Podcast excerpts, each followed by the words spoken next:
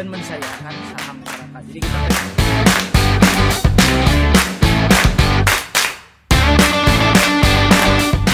beda sama Jakarta kalau orang Bandung tuh uh, listrik investasiin buat sekolah anak evolve into something new gitu. Kupu-kupu mungkin ke- Eh, ayahku tuh satpam gitu kan di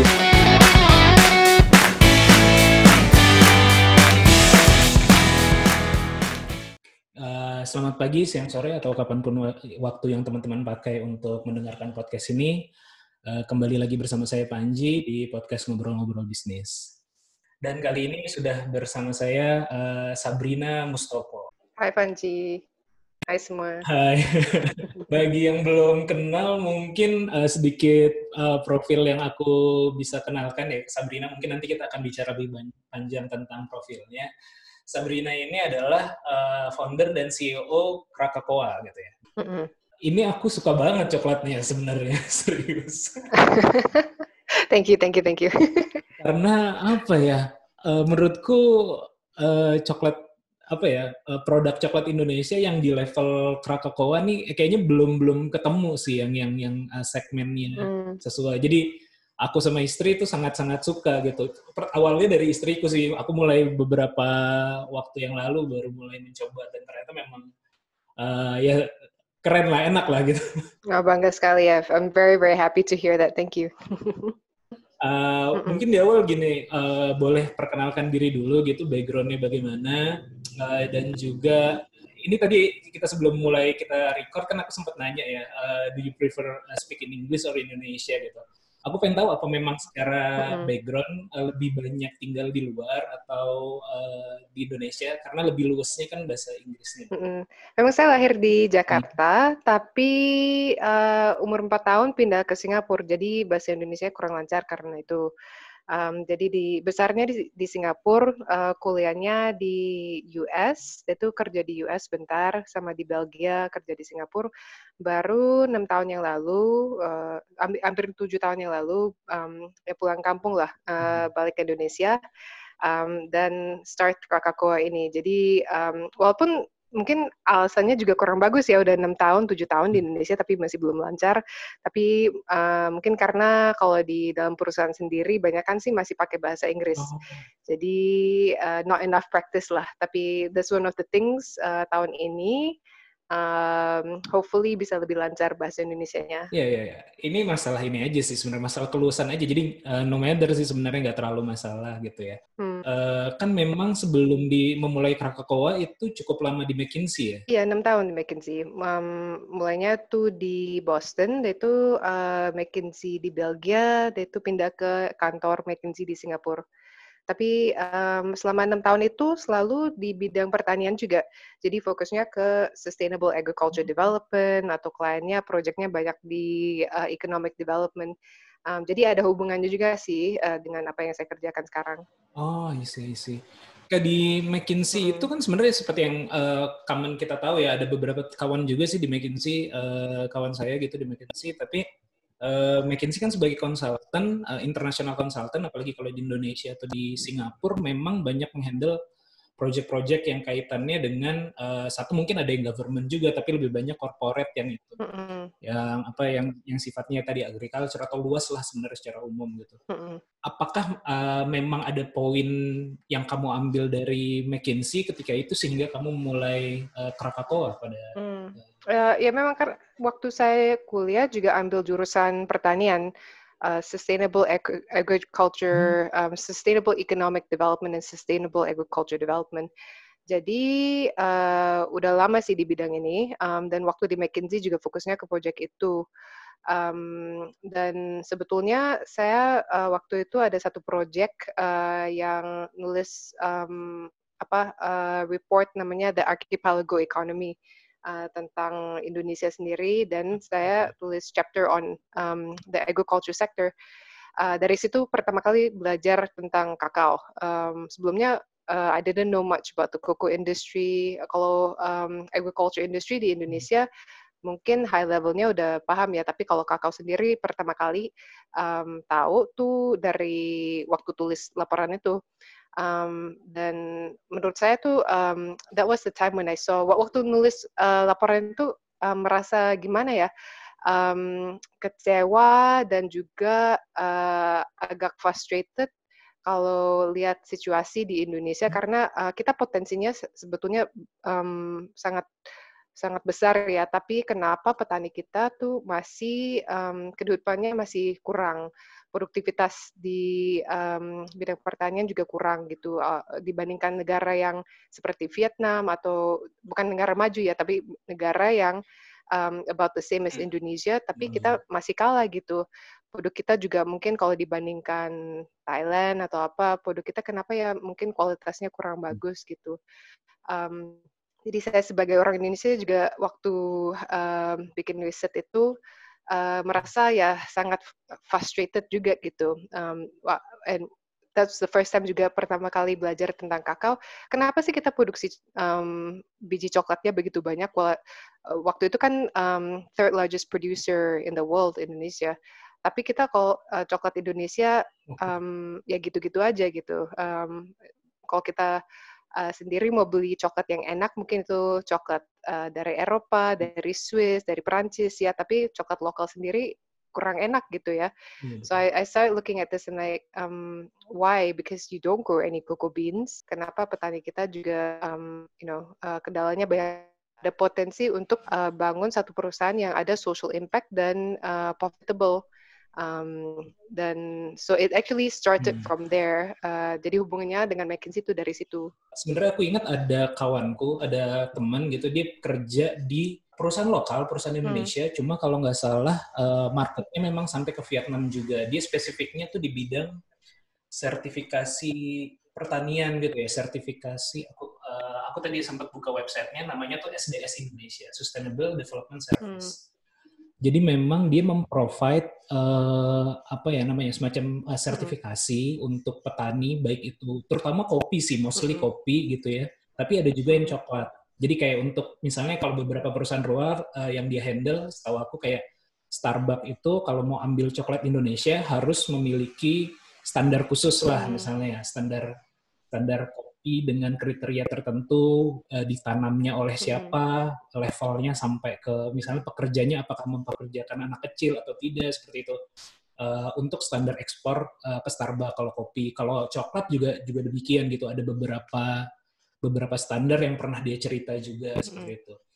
Nah, kalau menurut Sabrina, memang apakah uh, tadi kan melihat uh, kendala atau miris lah melihat petani Indonesia gitu apakah karena proses uh, pertaniannya sendiri uh, yang dilakukan oleh petani Indonesia itu belum sesuai standar internasional sehingga menghasilkan coklat yang kualitasnya rendah atau dari sisi dari sisi biji coklatnya sendiri yang memang tidak berkualitas? Uh, dari pengalaman saya itu bukan dari biji ya, jadi bukan karena kita uh, variety hmm. yang ditum, uh, ditanam di Indonesia kurang bagus, tapi itu karena secara um, apa uh, perkebunannya sendiri, caranya how do you take care of the plantations hmm. supaya nggak banyak penyakit dan tanamannya juga sehat. Dan yang sangat penting juga itu apa yang namanya um, post harvest processing. So, jadi setelah dipanen itu uh, panennya juga nggak boleh terlalu early kalau nggak uh, biji kakaonya kurang kualitasnya kurang bagus kalau terlalu lama juga nanti udah apa udah sprouting biji coklatnya um, dan setelah dipanen itu harus difermentasi nah yang ini um, kurang lebih sekitar 90 sampai 95 persen biji coklat di Indonesia tidak difermentasi. Beda dengan dibandingkan biji coklat dari oh. negara lain. Dan kalau tidak difermentasi ini, um, kualitasnya, aromanya kurang, rasanya juga kurang. Um, dan setelah itu, uh, cara penjemurannya juga sangat penting. Cara um, kita jemurnya tuh pakai para-para atau asal aja di lantai gitu, atau itu semua akan pengaruh ada dampaknya ke um, ke, ke rasa dan aroma uh, biji coklatnya itu. Jadi um, sebetulnya dari uh, kan kakakku memberikan pelatihan ke petani um, dan kita fokusnya ke situ. Um, caranya bagaimana good agriculture practices supaya produktivitas di kebun bisa lebih tinggi um, dan juga caranya bagaimana post harvest practicesnya yang bagus supaya kualitas bijinya bisa bagus. Um, jadi um, itu tuh uh, jatuhnya ke uh, financial incentive ya buat petani sendiri. Kenapa um, mereka tidak mau melakukan um, sistem atau cara processing yang lebih bagus? Karena buat um, most most petani di Indonesia, mereka kalau um, biji kualitas uh, apa kualitas biji coklatnya lebih bagus, mereka juga dapat harganya sama aja gitu. Um, selisihnya nggak banyak. Jadi untuk petani, hmm. kenapa saya mau um, you know uh, jadi susah sendiri, mesti fermentasi, mesti uh, jemurnya mesti take care, bukan sembarangan gitu. Tapi saya cuma dapatnya berapa hmm. perak lebih banyak gitu. Buat mereka nggak make iya, sense. Ya, aja lah ya. Jadi insentifnya nggak align, hmm. nggak align buat um, produksi uh, biji coklat yang kualitasnya lebih bagus kalau bicara tentang petaninya, memang sekarang uh, mayoritas kebutuhan atau permintaan mas pasar terhadap uh, coklat itu untuk dalam negeri dan luar negeri lebih banyak untuk ekspor gitu. Enggak, sekarang tuh di dalam negeri lebih banyak karena um, kalau coklat itu ada satu langkah itu um, cocoa processing cocoa mill. Jadi uh, biji coklat diproses um, jadi um, cocoa powder, cocoa butter, cocoa liquor, bukan coklat uh, yang udah um, dijual di supermarket, tapi hmm. intermediary produk itu. Hmm. Dan kalau di Indonesia kita um, banyak pabrik ini cocoa mills. Jadi kebutuhan di Indonesia sendiri itu lumayan banyak. Kalau tidak salah itu di Indonesia kapasitasnya yang installed capacity uh, sekitar uh, 700,000 tons ya. Tapi kita produksi bi uh, biji coklatnya cuma 200 lebih. Uh, 200 thousand tons, something like that. So um, masih kita masih uh, butuh import biji coklat dari negara lain. Nah, kalau yang dilakukan oleh uh, Krakatoa ya, sebelum kita ngomong ngobrolin bisnisnya, aku penasaran terkait, uh, terkait dengan uh, kan salah satu yang diangkat adalah tentang empowering uh, farmers-nya mm-hmm. gitu ya, atau empowering petani atau uh, petani kopi gitu. Sebenarnya yang dilakukan apakah uh, Eh, sistemnya seperti apa sih sebenarnya yang dikatakan empowering ataupun membangun sustainability di untuk petani kopi eh petani coklat ini sorry. Hmm. Jadi kita ada dua sistem. Satu tuh uh, petani yang um, belum dapat pelatihan dari uh, lembaga lain. Kita datang hmm. kasih training program yang sekitar dua bulan itu um, kita ajarin good agriculture practices, caranya gimana supaya hama, penyakit di kebun um, bisa dikurangi dan cara post harvest practices-nya seperti apa supaya biji kualitasnya bisa bagus. Dan setelah itu uh, petani bebas. Mau kalau mau jual ke Coca-Cola boleh uh, atau kalau mau jual ke perusahaan lain juga boleh. Tapi biasanya kita kasih harga yang jauh lebih tinggi sih dibandingkan perusahaan lain atau tengkulak atau pengumpul ya.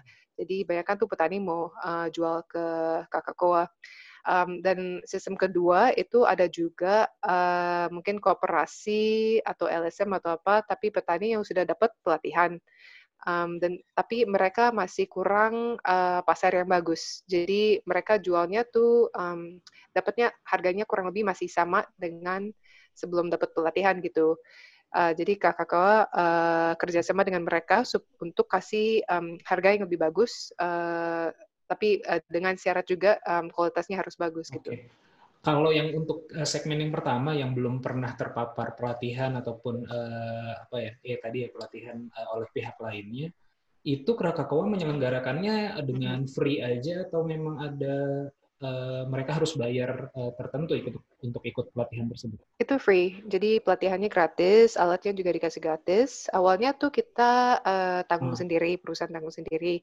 Tapi um, terakhir kali kita kasih pelatihan, kita kerjasama dengan satu LSM namanya Swiss Contact, dan Swiss Contact bantu untuk uh, ya sponsor uh, training program ini. Ah iya iya, soalnya gini, kalau aku uh, background kan sebenarnya sempat apa uh, course ambil course juga di Jerman dan beberapa lembaga Jerman itu kayak terutama yang sering kerja sama di Indonesia itu GIZ ya. Mm-hmm.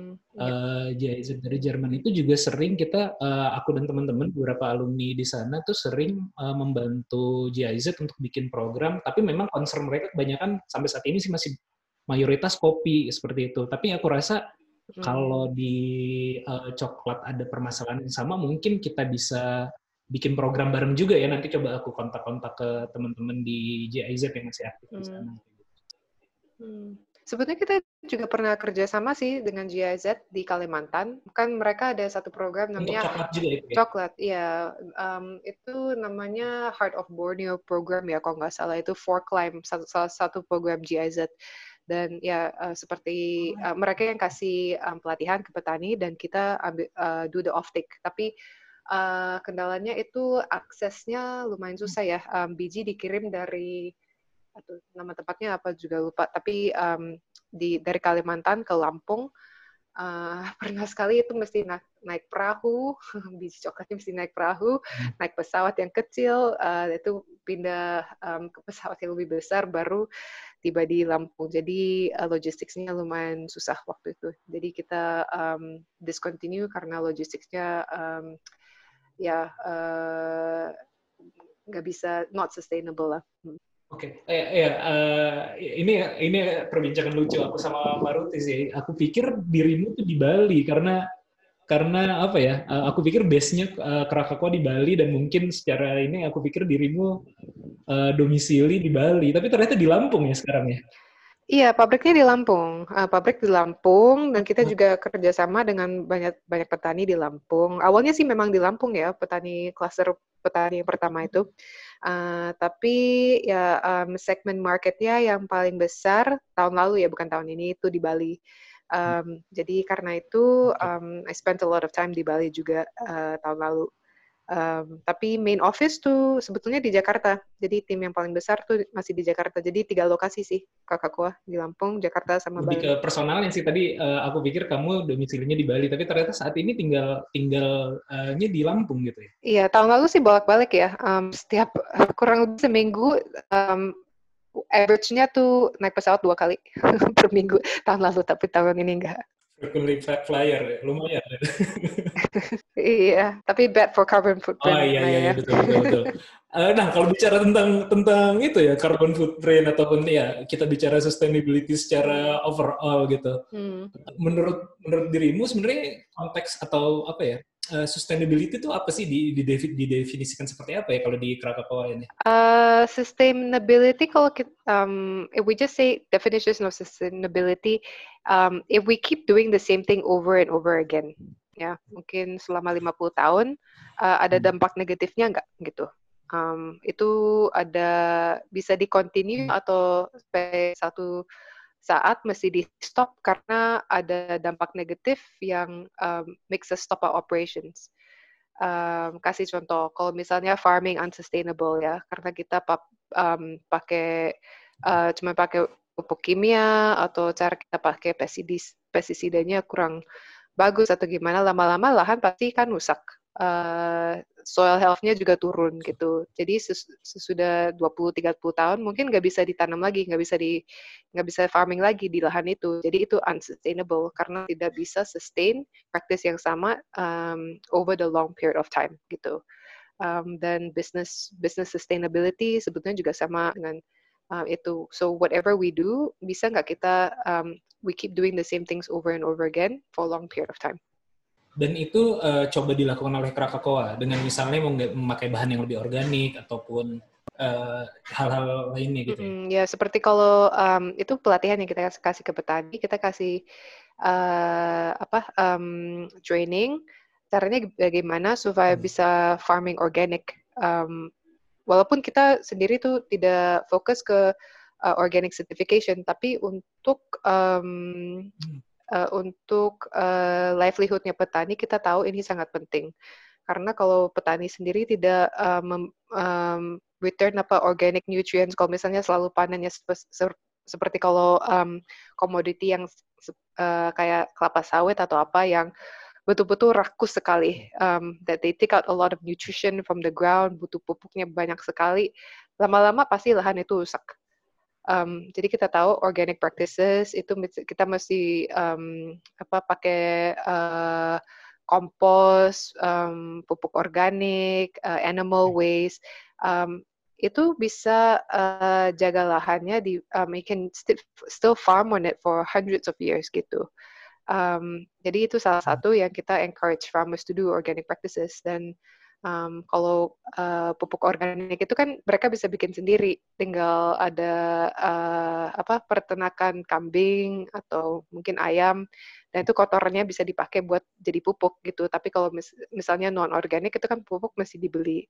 Kalau yang dibeli Hmm. banyak juga yang Hmm. mau minta yang udah disubsidi subsidi gitu, pupuk subsidi. Ya susah kan kalau misalnya setiap Hmm. kali nunggu um, handout atau bantuan dari pemerintah atau dari luar gitu, uh, petani juga nggak bisa jadi mandiri dong. Jadi kita um, memberikan mereka ilmunya caranya gimana supaya bisa lebih mandiri gitu. Oke. Nah, kalau eh, agak-agak mundur sedikit ya terkait dengan eh, jurusan, aku juga baru buka eh, profilmu yang di LinkedIn ini kan aku baru lihat International Agriculture and eh, Rural Development ya, Mm-mm, Eh, ambil jurusannya ya, departemennya ya. mm-mm. Kalau di luar itu, eh, kenapa sih ngambil jurusan ini? Apa concern sebelumnya memang concern ke bidang agriculture atau eh, atau memang eh, kebetulan aja? Karena kalau kalau pandanganku ya, kalau di Indonesia kayaknya jurusan entah ya, ini mungkin persepsi ya. eh, jurusan pertanian atau agriculture di Indonesia tidak terlalu apa ya, mungkin dipandang sebelah mata gitu ya. Hmm. Kalau menurut dirimu bagaimana tuh? Ya betul sih sama. Waktu saya mau ambil jurusan itu, um, orang tua saya juga, apalagi papa saya ya, um, was like, are you, are you sure? Uh, yakin, mau. Hmm. Um, saying, kan saya takut sekali sama itu kayak apa serangga, apa kacau, paling takut loh. Um, and then so Oh. when my, when my dad was uh, saying, when I told my dad mau ambil jurusan pertanian, lu takut serangga mau ambil pertanian iya beneran. gitu. So it's actually weird banget kan apalagi waktu itu kan um, semur hidup kan di Singapura gitu nggak pernah uh, tinggal lama di Mhm. Indonesia nggak pernah di rural area gitu selalu di um, kota besar Singapura. Um, tapi uh, nggak tahu kenapa um, saya tertarik gitu uh, ke bidang pertanian. Mungkin karena papa saya sendiri uh, dulu kerja di bidang pertanian. Dulu dia uh, trading kopi dan um, growing up dengar banyak cerita lah dari papa uh, on uh, Vietnam udah sekarang lebih lebih apa lebih maju dari Indonesia gitu. Uh, petani kita kasihan bapak-bapak gitu. Jadi mungkin dari situ um, saya merasa ya kenapa ya Indonesia nggak bisa maju um, Hmm. dan um, Hmm. selalu saya sangat move dengan um, orang yang um, gimana ya um, yang mungkin uh, born into a situation um, yang lebih susah. Um, kalau saya sendiri kan uh, lumayan untung ya kan um, keluarganya bisa uh, bisa uh, sekolahin sekali di, di Singapura. Um, we never we struggled some of the years tapi by and large dibandingkan orang lain very comfortable life gitu. Tapi kenapa orang lain gitu yang um, they were just born in a different family, they were just born in a different circumstance. Uh, tapi um, seumur hidupnya susah gitu. Um, jadi mungkin dari situ tertarik dengan caranya gimana sih untuk bisa um, membantu orang lain um, dan di, apalagi di bidang pertanian itu kayaknya um, segmen population kita yang paling miskin itu banyak tuh kerja di bidang pertanian kan itu kalau tidak ada pilihan lain baru orang jadi petani um, very few people Hmm. um, when they growing up, oh mimpinya tuh mau jadi petani gitu. Banyak tuh jadi petani karena tidak ada pilihan lain. Jadi mungkin dari situ saya tertarik uh, caranya bagaimana membantu orang yang betul-betul butuh um, ya tidak kurang oppor- opportunity-nya kurang gitu.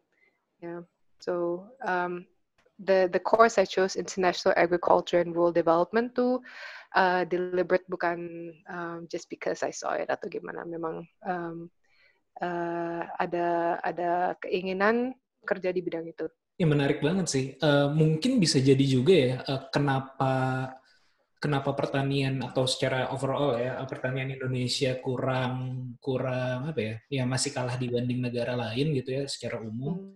Mungkin salah satunya karena tadi juga ya jurusan pertanian masih dipandang hal yang ya dipandang sebelah mata gitu mungkin ya. Jadinya orang concernnya ter- terkait dengan pertanian kayak given aja Indonesia kan memang dari dulu dicitrakan negara yang diberi apa ya diberi kenikmatan eh, luar biasa ya terkait dengan alamnya dan segala macam tapi orang jadi apa ya jadi abai gitu Hmm. mungkin ya terhadap itu Hmm.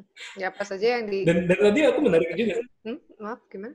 kalau kalau kita lihat kan sebenarnya secara overall eh, dunia juga mungkin yang akan jadi masalah ke depannya adalah masalah makanan ya. Eh, kayak misalnya salah satu aku suka nonton film gitu. Salah satu film yang bagus eh, menurutku ngambil premisnya adalah filmnya Christopher Nolan beberapa tahun yang lalu gitu ya. Eh, eh, apa judulnya tuh? Interstellar, di mana dunia udah kehabisan resource pangannya dan masalah masalah ya masalahnya akhirnya jadinya engineer bahkan jadi farmer seperti itu gitu. Hmm. Dan eh, itu kan ibaratnya kayak proyeksi nanti masa depan bisa saja itu kejadian beneran gitu bahwa ternyata memang profesi yang dibutuhkan adalah profesi petani. Hmm. Dan tadi kan kamu menyoroti bahwa petani itu saat ini kondisinya jadi pilihan terakhir. Bahkan beberapa teman-teman ya, teman-teman aku di kampus juga sempat cerita ada yang orang tuanya petani, tapi orang tua petani ini tidak mau anaknya jadi petani. gitu kan. Iya, mm, betul. Dan itu kan jadi hal yang mungkin sedikit miris eh, atau ya sebagian besar orang tua pasti ingin anaknya eh, memiliki kehidupan yang lebih baik gitu kan. Artinya mereka menganggap kehidupan yang mereka dapatkan di per- eh, di- di- dari pertani dari menjadi petani itu berarti kurang baik gitu kan ya. Itu agak-agak miris. Mm. Dan kalau kita pikirkan juga itu social problems dengan urban migration ya. Orang dari Hmm. kampung atau dari desa Hmm. semua mau pindah ke Jakarta ke kota besar gitu kan kita tahu itu juga unsustainable.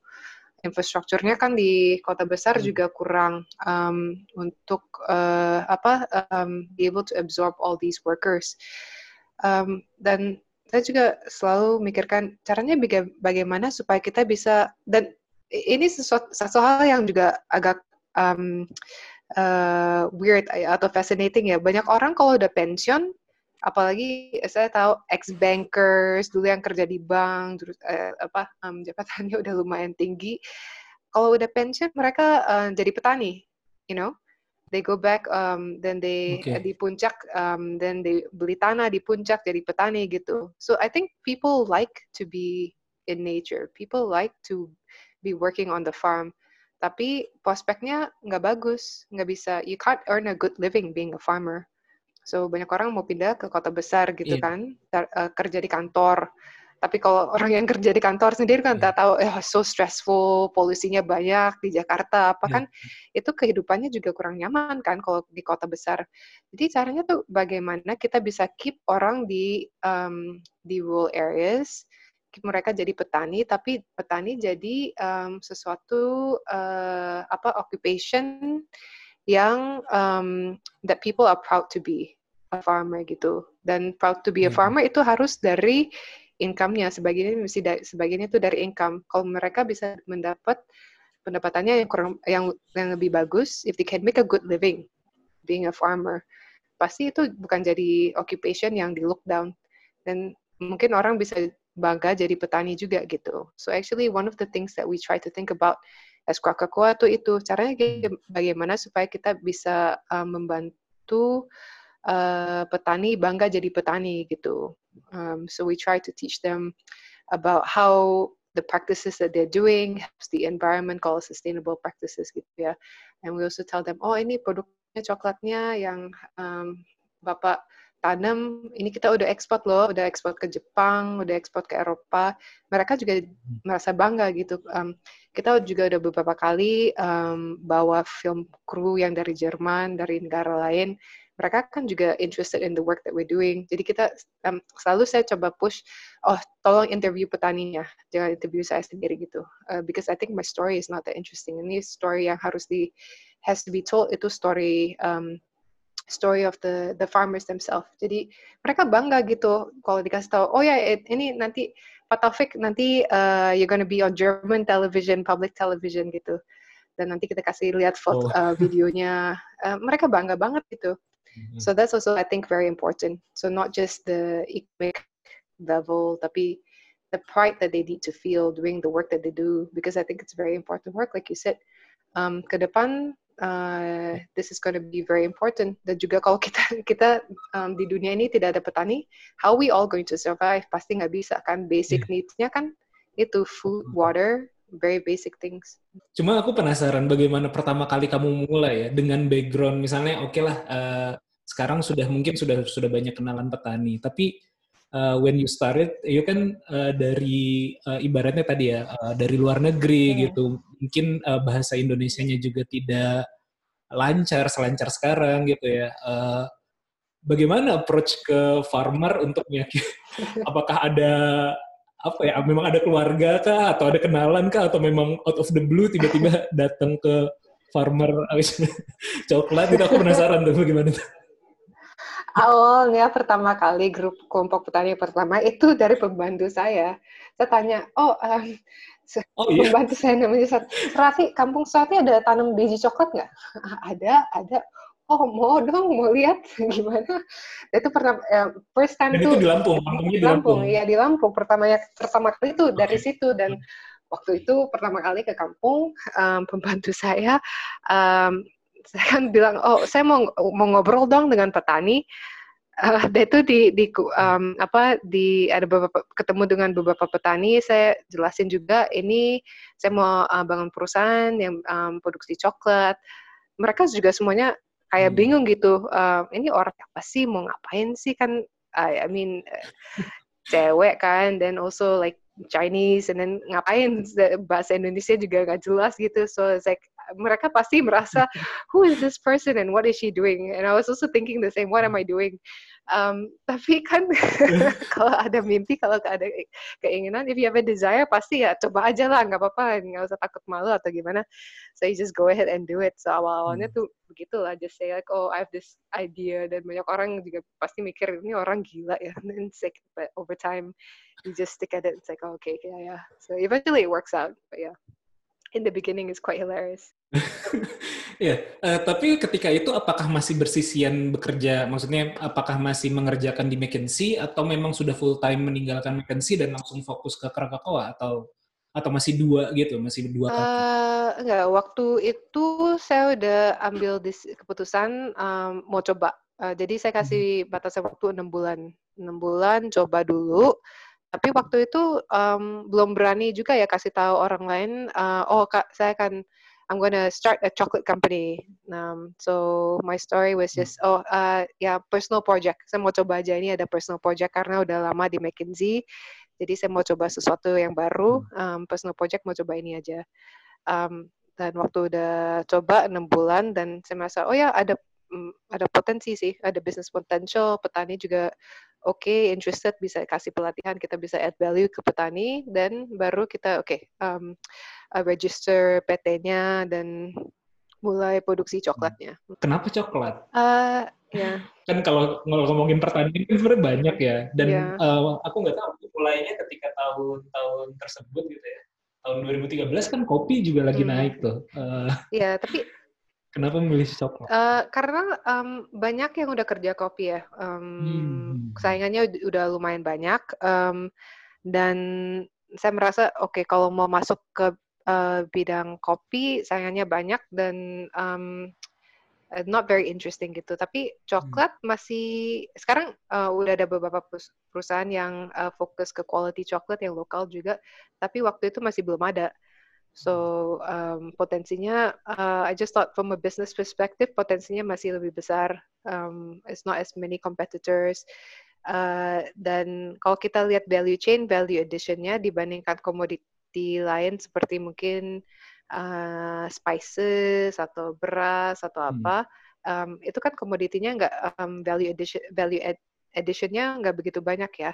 Iya. Um, dan kalau untuk brand building, mungkin orang lebih emosi dengan atau attach dengan uh, merek kopi atau merek coklat. Tapi kalau merek beras nggak ada Beras. yang nggak ada loyalitas ya. It's like uh, nobody says like, oh, I only eat beras merek A. I don't even Iya. know any any rice brands. Tapi kalau coklat, it's like, oh, I, I my favorite chocolate is merek apa gitu. Hmm, Kalau iya. kopi juga ada. Saya paling suka mak- minum cok, uh, kopi apa gitu. Tapi kalau spices juga rempah-rempah ya yang ada aja kan di Itu supermarket apa aja. Jadi value addition-nya kalau komoditi lain nggak begitu banyak dan brand building aspeknya juga nggak begitu banyak. Jadi dari sisi itu uh, business potential-nya um, di bidang coklat tuh lebih menarik juga. Hmm. Dan mungkin karena uh, karena mengarahnya adalah bisnis tipi, ya, tipikal uh, uh, value added ya. Kalau kalau di kalau di kuantit eh, kalau di apa namanya eh, varian atau eh, eh, produk agriculture lain kan memang mungkin potensi bisnisnya lebih banyak di quantity ya main di quantity Hmm, Eh, di trading, iya. ya di trading di eh, jumlah besarannya gitu ya kalau misalnya Iya. kalau bisnis beras pasti kan butuhnya adalah eh, ya sekian ton gitu bukan bukan mainin Hmm. value added-nya eh, ya walaupun ada ya beberapa kan udah mulai kayak beras organik dihargai lebih mahal atau dengan proses yang lebih bagus dihargai lebih mahal. Tapi ya I, I get your point ya. Eh, nggak nggak terlalu banyak orang yang attach dengan merek. Lah ya aku juga nggak tahu beras yang aku makan merek apa ya nggak nggak nggak gitu nggak aware. Nah, mau tambah sedikit itu juga karena kenapa kita mesti ada value added-nya lebih lebih Hmm. banyak? Itu kan karena kita juga ada uh, mau um, beli biji coklatnya dari petani dengan harga yang jauh lebih bagus juga. Iya. Jadi kalau value added-nya kurang banyak, um, kita kasih harga ke petani dia juga mesti lebih uh, lebih similar ke market price gitu. Tapi kan kita bayar sampai 2-3 kali lipat market price. Kalau Oh. kita mau kasih lipatan itu, um, ya kita mesti value, ada value added-nya gitu. Oh, itu berarti petani saat ini kerjasama eh, sudah dengan berapa kelompok tani atau berapa perkebunan tani? Eh, di Lampung du- eh, dua desa, di Bali satu koperasi, di Sulawesi satu buying station, tapi sebetulnya tiga desa sih di situ. Eh, dulu juga pernah beli da- dari Aceh, eh, Kalimantan, tapi yang paling eh, rutin suppliernya tuh Bali, Lampung, sama Sulawesi. Saya pernah waktu masih kecil ya pernah tinggal di Sulawesi karena orang tua saya tuh eh, apa ya eh, pegawai negeri dan pindah-pindah gitu pindah-pindah lokasi. Hmm. Eh, Sulawesi memang terkenal. Saya spesifiknya di Sulawesi Selatan sih tinggalnya Eh, dan memang di sana Hmm. saya baru tahu, baru melihat pohon coklat itu ya di sana gitu sebenarnya. Karena eh, Hmm. karena memang mayoritas di Jawa atau di Jakarta gitu ya dan dan nggak nggak pernah ngeliat. Eh, cuma saya baru tahu kalau Lampung dan Bali adalah juga produsen atau ada perkebunan coklat gitu ya. Um, sebenarnya di seluruh Indonesia juga ada perkebunan coklat, tapi yang Hmm. paling besar tuh di Sulawesi, kurang lebih sekitar uh, 70% um, produksi Indonesia tuh di Sulawesi. Oh gitu, ya, ya, ya. Eh, Memang ada spesifikasi khusus eh, untuk coklat tumbuh gitu. Eh, di Jawa apakah ada atau tidak memungkinkan gitu? Makanya di Sumatera dan di Sulawesi yang yang, yang ada Jawa juga ada. Sebetulnya hampir seluruh Indonesia sih ada dari Aceh sampai Papua juga ada, Flores ada. Um, yang jadi itu apa climate kita uh, sebenarnya cocok sekali sih buat tanam uh, kakao. Mungkin cuman elevasi yang lebih tinggi yang um, tempat lebih dingin itu kurang cocok tapi uh, other than that bisa tumbuh di mana-mana. Hmm. Nah, kalau tadi petaninya, misalnya udah kerjasama dengan beberapa tadi ya eh, daerah dan juga koperasi, kelompok tani seperti itu, dan membayar eh, ibaratnya membeli dari mereka kan tadi 2 sampai tiga kali lebih tinggi kayak gitu. Itu berarti sebenarnya mereka kan happy ya. Eh, apakah apakah jadi apakah itu bikin loyal atau atau kadang-kadang ya tergantung kontrak juga atau bagaimana sih? Karena kalau pengalaman aku ya, aku juga pernah eh, trading sih dalam konteksnya trading memang. Kalau di sekarang kan tinggal di Bandung. Hmm. Bandung itu kalau di daerah selatan Bandung tuh eh, banyak orang jualan kentang kan atau punya perkebunan kentang. Waktu itu saya pernah melakukan trading beberapa kali gitu ya eh, untuk eh, jual kentang ya, beli kentang dari mereka untuk jual ke pasar di Jakarta lah kurang lebih seperti itu ya singkatnya. Cuman dan saya belinya harganya lebih tinggi daripada eh, eh, standar di situ. Cuma ujung-ujungnya Mhm. mereka tetap balik lagi ke standar karena memang eh, partnernya adalah eh, mereka diikat dengan kontrak yang besar eh, dari sua- Hmm. sua- sebuah sebuah inilah ya sebuah eh, apa namanya perusahaan besar ya gitu yang memproduksi keripik kentang gitu ya. Eh, keripik kentang di Indonesia tapi dibikin lock gitu di lock sama sama mereka jadi bibitnya dikasih oleh Hmm, mereka eh, terus tapi dimodalin untuk eh, nanamnya. Karena kebanyakan kalau yang di Bandung Selatan itu oke ada yang petani pemilik lahan ada petani yang buruh buruh tani lah ibaratnya bukan bukan Mm-mm. punya lahan kayak gitu. Jadi mereka akhirnya ngikut lagi ke korporasi gitu. Tidak tidak bisa walaupun waktu itu saya sempat membayar eh, tapi konteksnya trading ya saya bayar lebih tinggi. Hmm. eh, tapi ta- akhirnya mereka balik lagi ke ke ya itu ke korporasi besar itu yang memang Hmm. sudah membuat sistem prosesnya jadi lebih tertutup gitu Hmm, Pak, itu itu iya. terjadi nggak di Krakatau? Apakah apakah ya sudah ya loyal aja atau memang ada kompetisi juga dengan uh, pemain besar? Uh, mungkin karena uh, gap selisih harganya lumayan banyak ya, uh, bukan hanya satu dua persen atau lima persen, Hmm. tapi um, jadi uh, banyak kan sih petani yang udah bisa um, proses uh, sampai kualitas yang um, sesuai dengan permintaan Kakakoa, mereka um, by and large jual ke kita sih. Um, tapi ada petani juga yang udah dapat pelatihan, tapi mereka merasa oh males deh nggak mau uh, saya nggak mau fermentasi, saya nggak mau um, sortir biji, saya nggak mau organik. Uh, kan salah satu permintaan kita kan harus organik kan. Mereka males mau semprot aja gitu. Um, jadi bu- buat petani itu um, banyak yang udah kita kasih pelatihan, mereka um, at the end masih jual ke tengkulak atau pasar biasa gitu.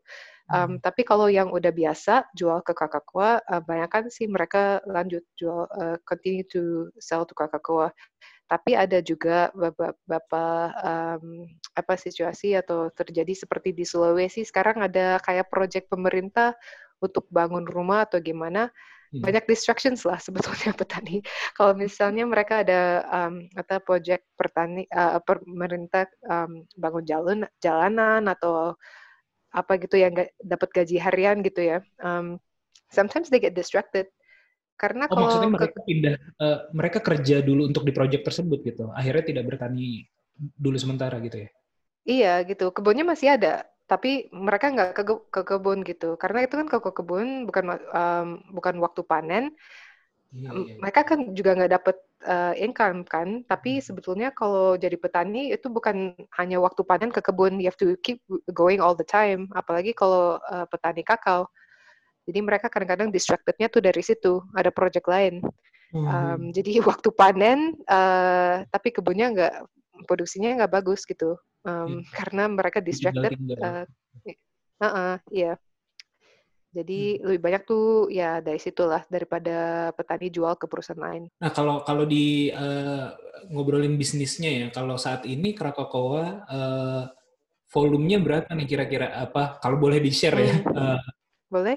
uh, bulanannya sudah berapa banyak penjualan atau Hmm. uh, yang diproduksi udah berapa banyak boleh di-share? Ya, kita proses uh, sekarang sekitar 2 ton per bulan.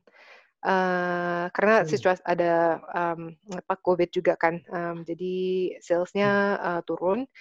Tapi um, kita bisa uh, Turun ya? Itu dua ton diangkat turun ya? ya 2 ton tuh udah turun. Um, biasanya bisa 4 ton lebih.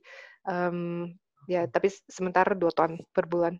Uh, dan itu sudah apa ya? Uh, saat ini berarti sebagai perusahaan kan sudah berjalan tujuh tahun ya? Mhm. Sudah sudah tujuh tahun betul ya? Iya, hampir 2 tahun. Uh, secara umum uh, market uh, bagus kalau di Indonesia. Market orang Indonesia masih belum biasa makan coklat. Uh, kita suka rasa coklat, tapi banyakan tuh kalau uh, kue coklat atau Mbak. biskuit coklat uh, atau minuman coklat gitu, chocolate drink. Tapi kalau uh, orang Indonesia yang demen makan coklat batang gitu, coklat bar masih nggak begitu banyak ya dibandingkan negara lain. Kita konsumsi coklatnya per capita per year uh, di bawah satu kilo. Rata-rata, um, I think the last data is about 500 grams per capita per year. Dibandingkan kalau orang di UK, uh, 10 kilo per capita per year. Jadi 20 kali lipat. Jadi, so our, our consumption per capita consumption of chocolate masih uh, rendah sekali. Um, so uh, ini juga sesuatu yang buat perusahaan um, learning for us. Caranya gi- gimana kita bisa bikin uh, cultivate habit of konsumsi coklat. Um, kadang-kadang kita ada partnership juga seperti uh, masih jalan sih sekarang dengan Smoking Barrels Coffee. Mereka ada coffee, ada teh juga. Itu kan kalau orang Indonesia udah biasa ya minum kopi setiap hari mesti ngopi. Tapi kita gimana Hmm. supaya ada consumption pattern yang oh kalau ngopi uh, eat some chocolate with your coffee gitu, pairing pairing coklat sama coffee supaya bisa jadi kebiasaan juga orang um, untuk konsumsi coklat. Jadi edukasinya masih um, uh, masih sangat penting dan juga untuk bukan hanya coklat tapi quality coklat. Bedanya apa ini coklat kita dengan coklat yang biasa Hmm. gitu. Um, so edukasi, uh, the awareness, kebiasaan juga flavor profile coklat. Kalau coklat Coca-Cola kan flavor profile-nya agak beda kan. Um, lebih seperti specialty coffee gitu. Ada flavor notes-nya, bisa fruity, bisa floral. Uh, dan kalau orang yang um, belum biasa makan coklat, banyak kan merasa, eh, oh ini kok coklatnya asam ya gitu. Um, sebetulnya itu kan rasa coklat uh, ada flavor notes-nya banyak. Flavor. Ya, it's only if it's mass produced chocolate yang um, apa mereka over roast dan they alkalize everything jadi rasanya hilang semua jadi rasanya flat um, so it's a very different type of product jadi itu butuh edukasi juga publiknya Iya, dan mayoritas sih sebenarnya kalau kita, eh, aku baru tahu istilahnya adalah apa quality coklat dan eh, coklat biasa gitu ya. Hmm. Cuma kan kalau mayoritas sebenarnya coklat Indonesia tuh manis gitu, apa brand-brand lain ataupun eh, yang common lah ya, Hmm. itu kan coklat coklat milk chocolate eh, ya bahkan mungkin kalau kita iya betul bahkan bahkan eh, ya dibanding eh, sebelum iya aku banyak konsumsi coklat cuman kayak kalau paling paling ini ya paling eh, ya coklat coklat luar gitu yang yang yang udah ada di eh, toko-toko kalau yang eh, di toko-toko swalayan biasa biasanya nggak terlalu suka kayak gitu karena memang terlalu manis terlalu manis gitu Hmm, bukan, iya bukan coklat jadinya sih Ya, memang Terus- itu banyak kan kan um, apa apa uh, komposisinya banyak kan tuh gula bukan coklat. Iya dan, dan itu eh, mungkin itu berarti pencerdasan ya atau edukasi marketnya perlu dilakukan juga gitu. Mm, Iya. Eh, dan konsumsinya rendah banget ya kalau baru 500 500 gram per year per kapita ya per Mm, orang ya. mm, mm, Iya, kecil banget sih. Iya. Eh, berarti ke arah arahnya tadi kan udah ada kerjasama juga dengan apa beberapa brand lain gitu ya untuk eh, edukasi. Mm, mm. Apakah ada juga model, uh, apakah Krakako kan kalau yang aku tahu adalah memang jual retail ya, atau ke bisnis B2C gitu. Apakah ada ada B2B-nya gitu, jual jual coklat dengan quality coklat tapi ke uh, bisnis lain gitu?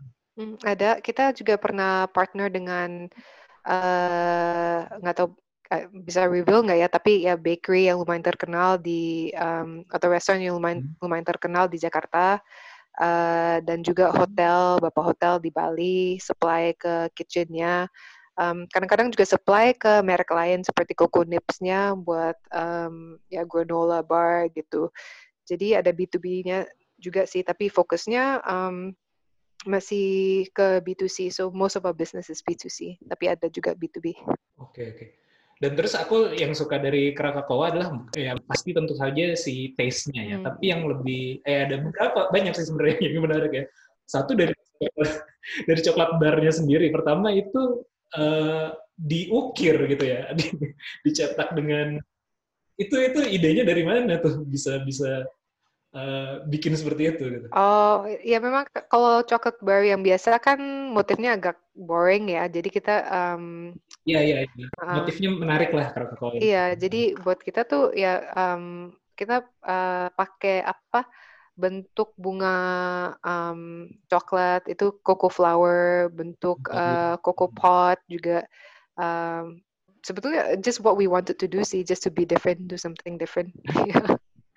Oh, berarti itu lebih banyak datang dari dalam ya, bukan kayak ah kayaknya market akan suka nih yang kayak gini-gini, tapi eh, by ini aja, eh, by proses di dalam uh, Krakatoa dan tim kayaknya seru nih, kayaknya lucu nih dibikin kayak gini-gini gitu. Ha- harus dua-duanya sih. Kalau kita ada ide apa, Betul. tapi ke- kalau kelihatannya marketnya nggak bisa accept juga kadang-kadang susah ya. Kalau mau, walaupun kita um, suka idenya, jadi mesti dua-duanya. Tapi kalau um, moldnya ini kan um, pasti market Hmm. mold eh, bentuknya apa saja, market pasti bisa terima lah. Kecuali kalau bentuknya betul-betul aneh atau gimana. Um, so in this Iya, case, more from uh, kita keinginannya um, seperti apa, so from our own like creativity gitu. Hmm, iya dan, dan juga tentu saja kemasannya sih. Eh, terakhir tuh kalau yang pas bulan eh, eh, bulan bulan puasa kemarin, bulan Ramadan, bulan eh, Mei kemarin tuh aku sempat beli yang eh, origin set gitu. Hmm. Nah, itu kan ada tiga, ada isi tiga ya kalau nggak salah. Itu kan juga dikemas eh, sebagai apa ya? eh, yang mungkin sebagai eh, bisa jadi gift juga dan Hmm. itu kan jadi jadi unik juga. Kita harus beberapa kali buka dalamnya. Malah kadang-kadang eh, kayaknya kalau nggak salah istriku malah masih nyimpen kotaknya gitu. Jadi kayak Ih, ini lucu tetap disimpan kayak gitu. Jadi dan kan ada penjelasan-penjelasan juga ya di di ininya ya, di Iya, poostnya tersebut. Iya. Ya, ya, itu menarik banget Oh, sih sebenarnya. ya. Karena itu ke, setiap kali kita desain packaging itu um, ada um, ada ada tujuannya juga sih. Karena waktu uh, kalau single origin kita kan mau showcase uh, sesuatu Iya. yang unik dari um, setiap tempat itu. Kalau um, mungkin Panji ingat itu kemasannya ada um, gambaran uh, apa?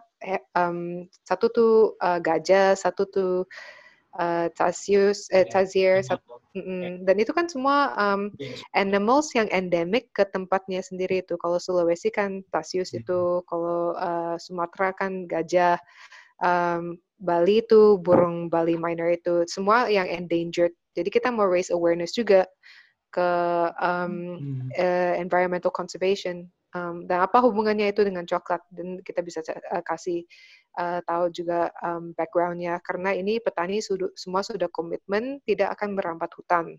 Ya petani kakao yang kita source semua ada um, ada perjanjian dengan perusahaan tidak akan merambat hutan. Jadi ada connectionnya semua itu. Ada ada background Hmm. story-nya um, about the animals, about conservation, about the location. Um, so itu salah satu yang kita mau showcase lah ke ke customer dan uh, ada a few facts juga kan kalau udah buka kemasannya dalam ada fak, uh, fakta-faktanya tentang gajah gitu. So um, mungkin orang Indonesia juga banyak masih yang um, belum begitu peduli dengan conservation um, atau dibandingkan uh, negara lain yang lebih maju, um, mungkin me- mereka lebih peduli ya. Mungkin karena juga kita uh, problemsnya yang lebih immediate. Jadi kalau conservation atau apa um, masih belum begitu aware. jadi Mm-mm. erat. Jadi kita juga mau coba increase the profile of all these different issues uh, in our consumers.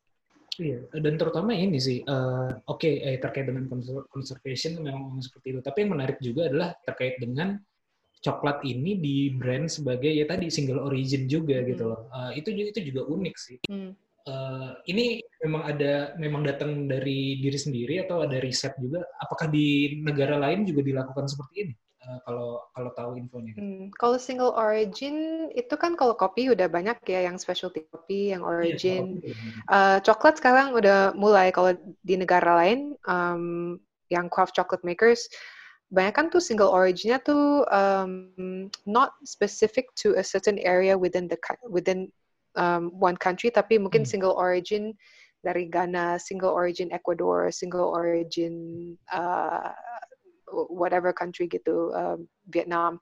Um, Tapi Hmm. kalau kita kan single origin dari uh, tempat-tempat yang Banyak, beda di dalam iya. Indonesia. So, um, uh, but other other brands um, yang di Indonesia, other chocolate makers juga ada yang ada single origin. Tapi uh, this is something that we wanted to do as well. Iya, tapi itu jadi menarik sih karena kan eh ya kalau kalau di kopi itu udah dikenal masif lah bahkan misalnya Gayo Hmm. gitu ya atau kopi Lampung, kopi Bali Iya. gitu ya. Eh, ya udah udah udah lebih spesifik bahkan beberapa case ada teman juga yang eh, bisnis eh, apa biji kopi gitu ya eh, kemasan eh, dia eh, bahkan levelnya sudah bukan lagi single origin tapi single origin with speciality gitu speciality ini tuh ditanamnya di kebun yang mana kayak gitu. Hmm. oleh petani siapa. Bahkan di di di kemasannya dia menuliskan eh, ininya apa ceritanya gitu. Hmm. cerita si eh, speciality lah. Jadi eh, level mungkin satu level eh, lebih dalam daripada originnya. Dan dan itu mungkin bisa jadi tren juga ya. Karena kalau kalau kita lihat kan kayak kopi oh ya udah terkenal lah. Hmm. Gayo gitu. Atau kopi apa gitu. Udah udah udah udah udah atau Toraja gitu kan. Udah udah udah dikenal. Dan orang ketika sudah tahu kopi itu udah tahu tes ataupun eh, cita rasa ya mungkin tadi kalau di coklat oh ada asam-asamnya nih kopi eh apa coklat dari mana gitu. Nah kalau kalau aku dari tiga tiga itu sebenarnya lebih suka yang Sumatera sih kemarin tuh pas nyobain lebih entah kenapa eh, ya belum belum bisa bedain secara real karena makannya harusnya salah sih kemarin metode makannya tuh harusnya nyoba cicip eh, satu-satu ya sedikit-sedikit tapi kemarin tuh satu bar dihabisin satu bar dihabisin jadi jadi Iya. jadi belum ini lagi. Tapi kemarin istriku beli lagi tuh yang kat- eh, aku kan eh, follow IG kamu. Mm. Terus katanya lagi ada diskon di Tokopedia tuh. Terus aku forward ke istriku kan, Hmm. dia beli lagi kemarin nih, udah habis lagi. A- Apalagi yang mau dilakukan nih di Krakatoa? Inovasi apa lagi atau apalagi yang mau di, di, dikerjakan sekarang? Inovasinya sekarang tuh uh, lebih di lapangan ya sama petani karena kita juga ker- um, yang di Lampung kita kan udah kerjasama dengan uh, petani di um, desa situ udah lumayan lama tapi kadang-kadang masih merasa impact-nya kurang. Um, caranya gimana supaya kita engagement-nya dengan petani masih bisa lebih kuat gitu. Jadi um, tahun ini kita mulai satu pilot, uh, sebenarnya mulai tahun lalu sih, namanya Agroforestry Management Unit AMU. Um, dan ini adalah um, sistem perkebunan agroforestry yaitu bukan hanya monoculture tanam kakao saja, tapi um, di sebelah kakao ada pisang, ada jengkol, ada cabai, ada jahe, ada sengon. Um, jadi uh, sistemnya tuh setiap tahun um, bisa panen dan panen uh, komoditinya beda-beda gitu.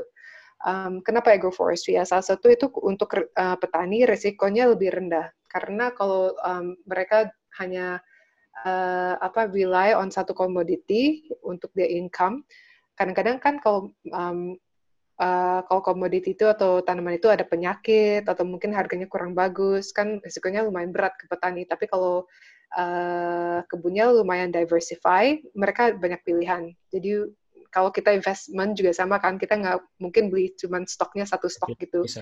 Pasti kalau kita beli stok kan akan diversify. Buat petani juga sama, mereka diversify kebunnya gitu. Dan uh, agroforestry juga lebih bagus buat environment karena itu biodiversity-nya lebih tinggi.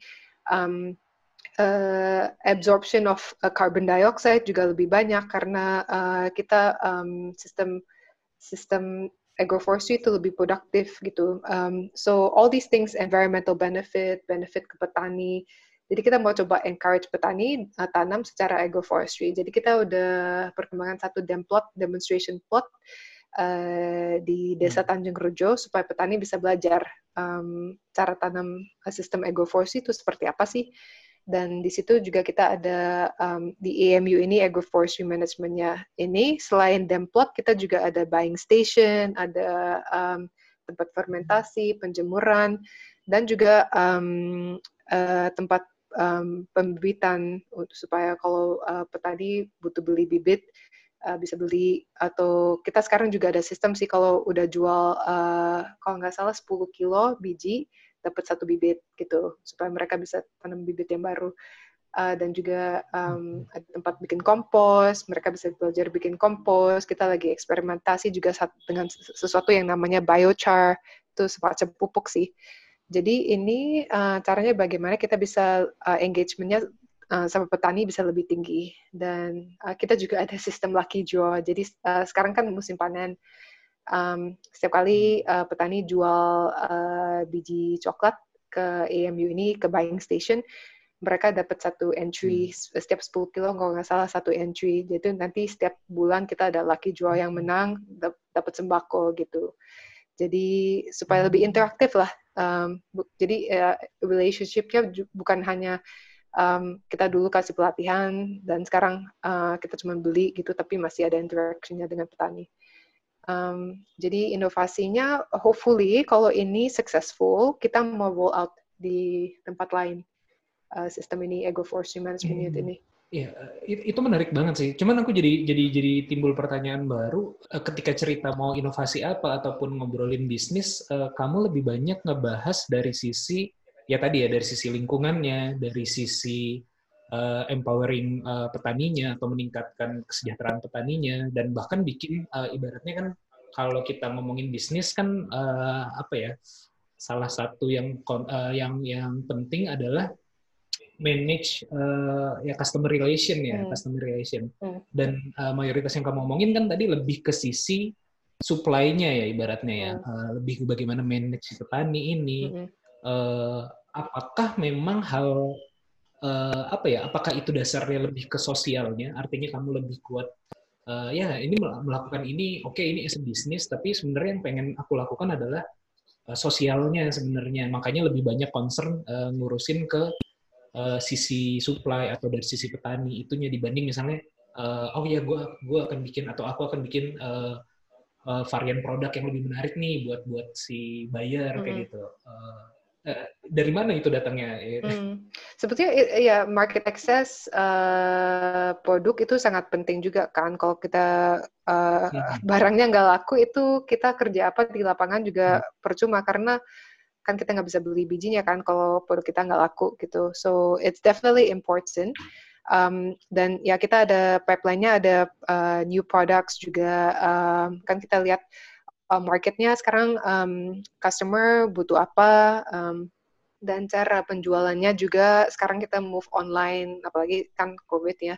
Jadi Hmm. kita fokusnya lebih banyak ke online dan kalau online kita marketingnya gimana? Sekarang banyak orang yang masih di rumah kita bisa kasih entertainment apa? Jadi kita nanti bulan ini ada cooking class eh, yang dari eh, lewat zoom gitu Um, tapi menurut saya itu mungkin setiap perusahaan bisa copy atau bisa jalankan yang sama. Um, so kalau betul-betul inovasi, ya it's something new that we're doing. It's different, and it's to provide um, something different to our customers yang pasti penting.